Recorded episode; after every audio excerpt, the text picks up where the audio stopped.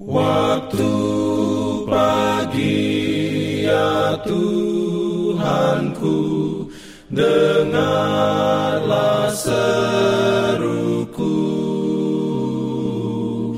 Melayang doa yang sungguh Memandang padamu Selamat pagi pendengar Radio Advent Suara Pengharapan.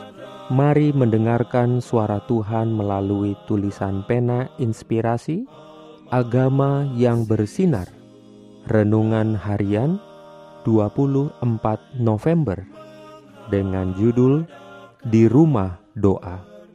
Ayat inti diambil dari Yesaya 56 ayat 7 Firman Tuhan berbunyi, mereka akan kubawa ke gunungku yang kudus, dan akan kuberi kesukaan di rumah doaku. Aku akan berkenan kepada korban-korban bakaran dan korban-korban sembelihan mereka yang dipersembahkan di atas mesbahku, sebab rumahku akan disebut rumah doa bagi segala bangsa. Urayanya sebagai berikut ada kebutuhan untuk bertekun dalam doa.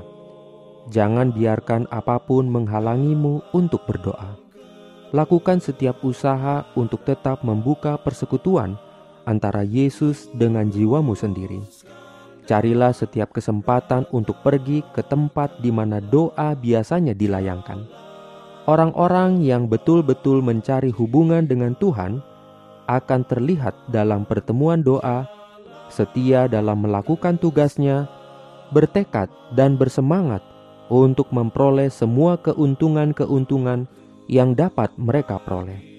Mereka akan menggunakan setiap kesempatan untuk menempatkan diri mereka sendiri di mana mereka dapat menerima seberkas terang dari surga. Orang-orang muda yang menemukan sukacita dan kebahagiaan dalam membaca firman Tuhan dan pada saat berdoa terus-menerus disegarkan oleh aliran-aliran dari mata air kehidupan. Dia akan mencapai puncak keunggulan moral dan pemikiran yang luas yang tidak dapat dibayangkan oleh orang lain. Persekutuan dengan Tuhan mendorong pemikiran yang baik, pemikiran yang mulia, persepsi yang jelas tentang kebenaran, dan tujuan yang luhur. Mereka yang dengan demikian menghubungkan jiwa mereka dengan Tuhan diakui olehnya sebagai putra dan putrinya. Mereka terus-menerus mencapai lebih tinggi dan lebih tinggi lagi, memperoleh pandangan yang lebih jelas tentang Allah dan kekekalan, sampai Tuhan menjadikan mereka saluran terang dan hikmat bagi dunia. Amin.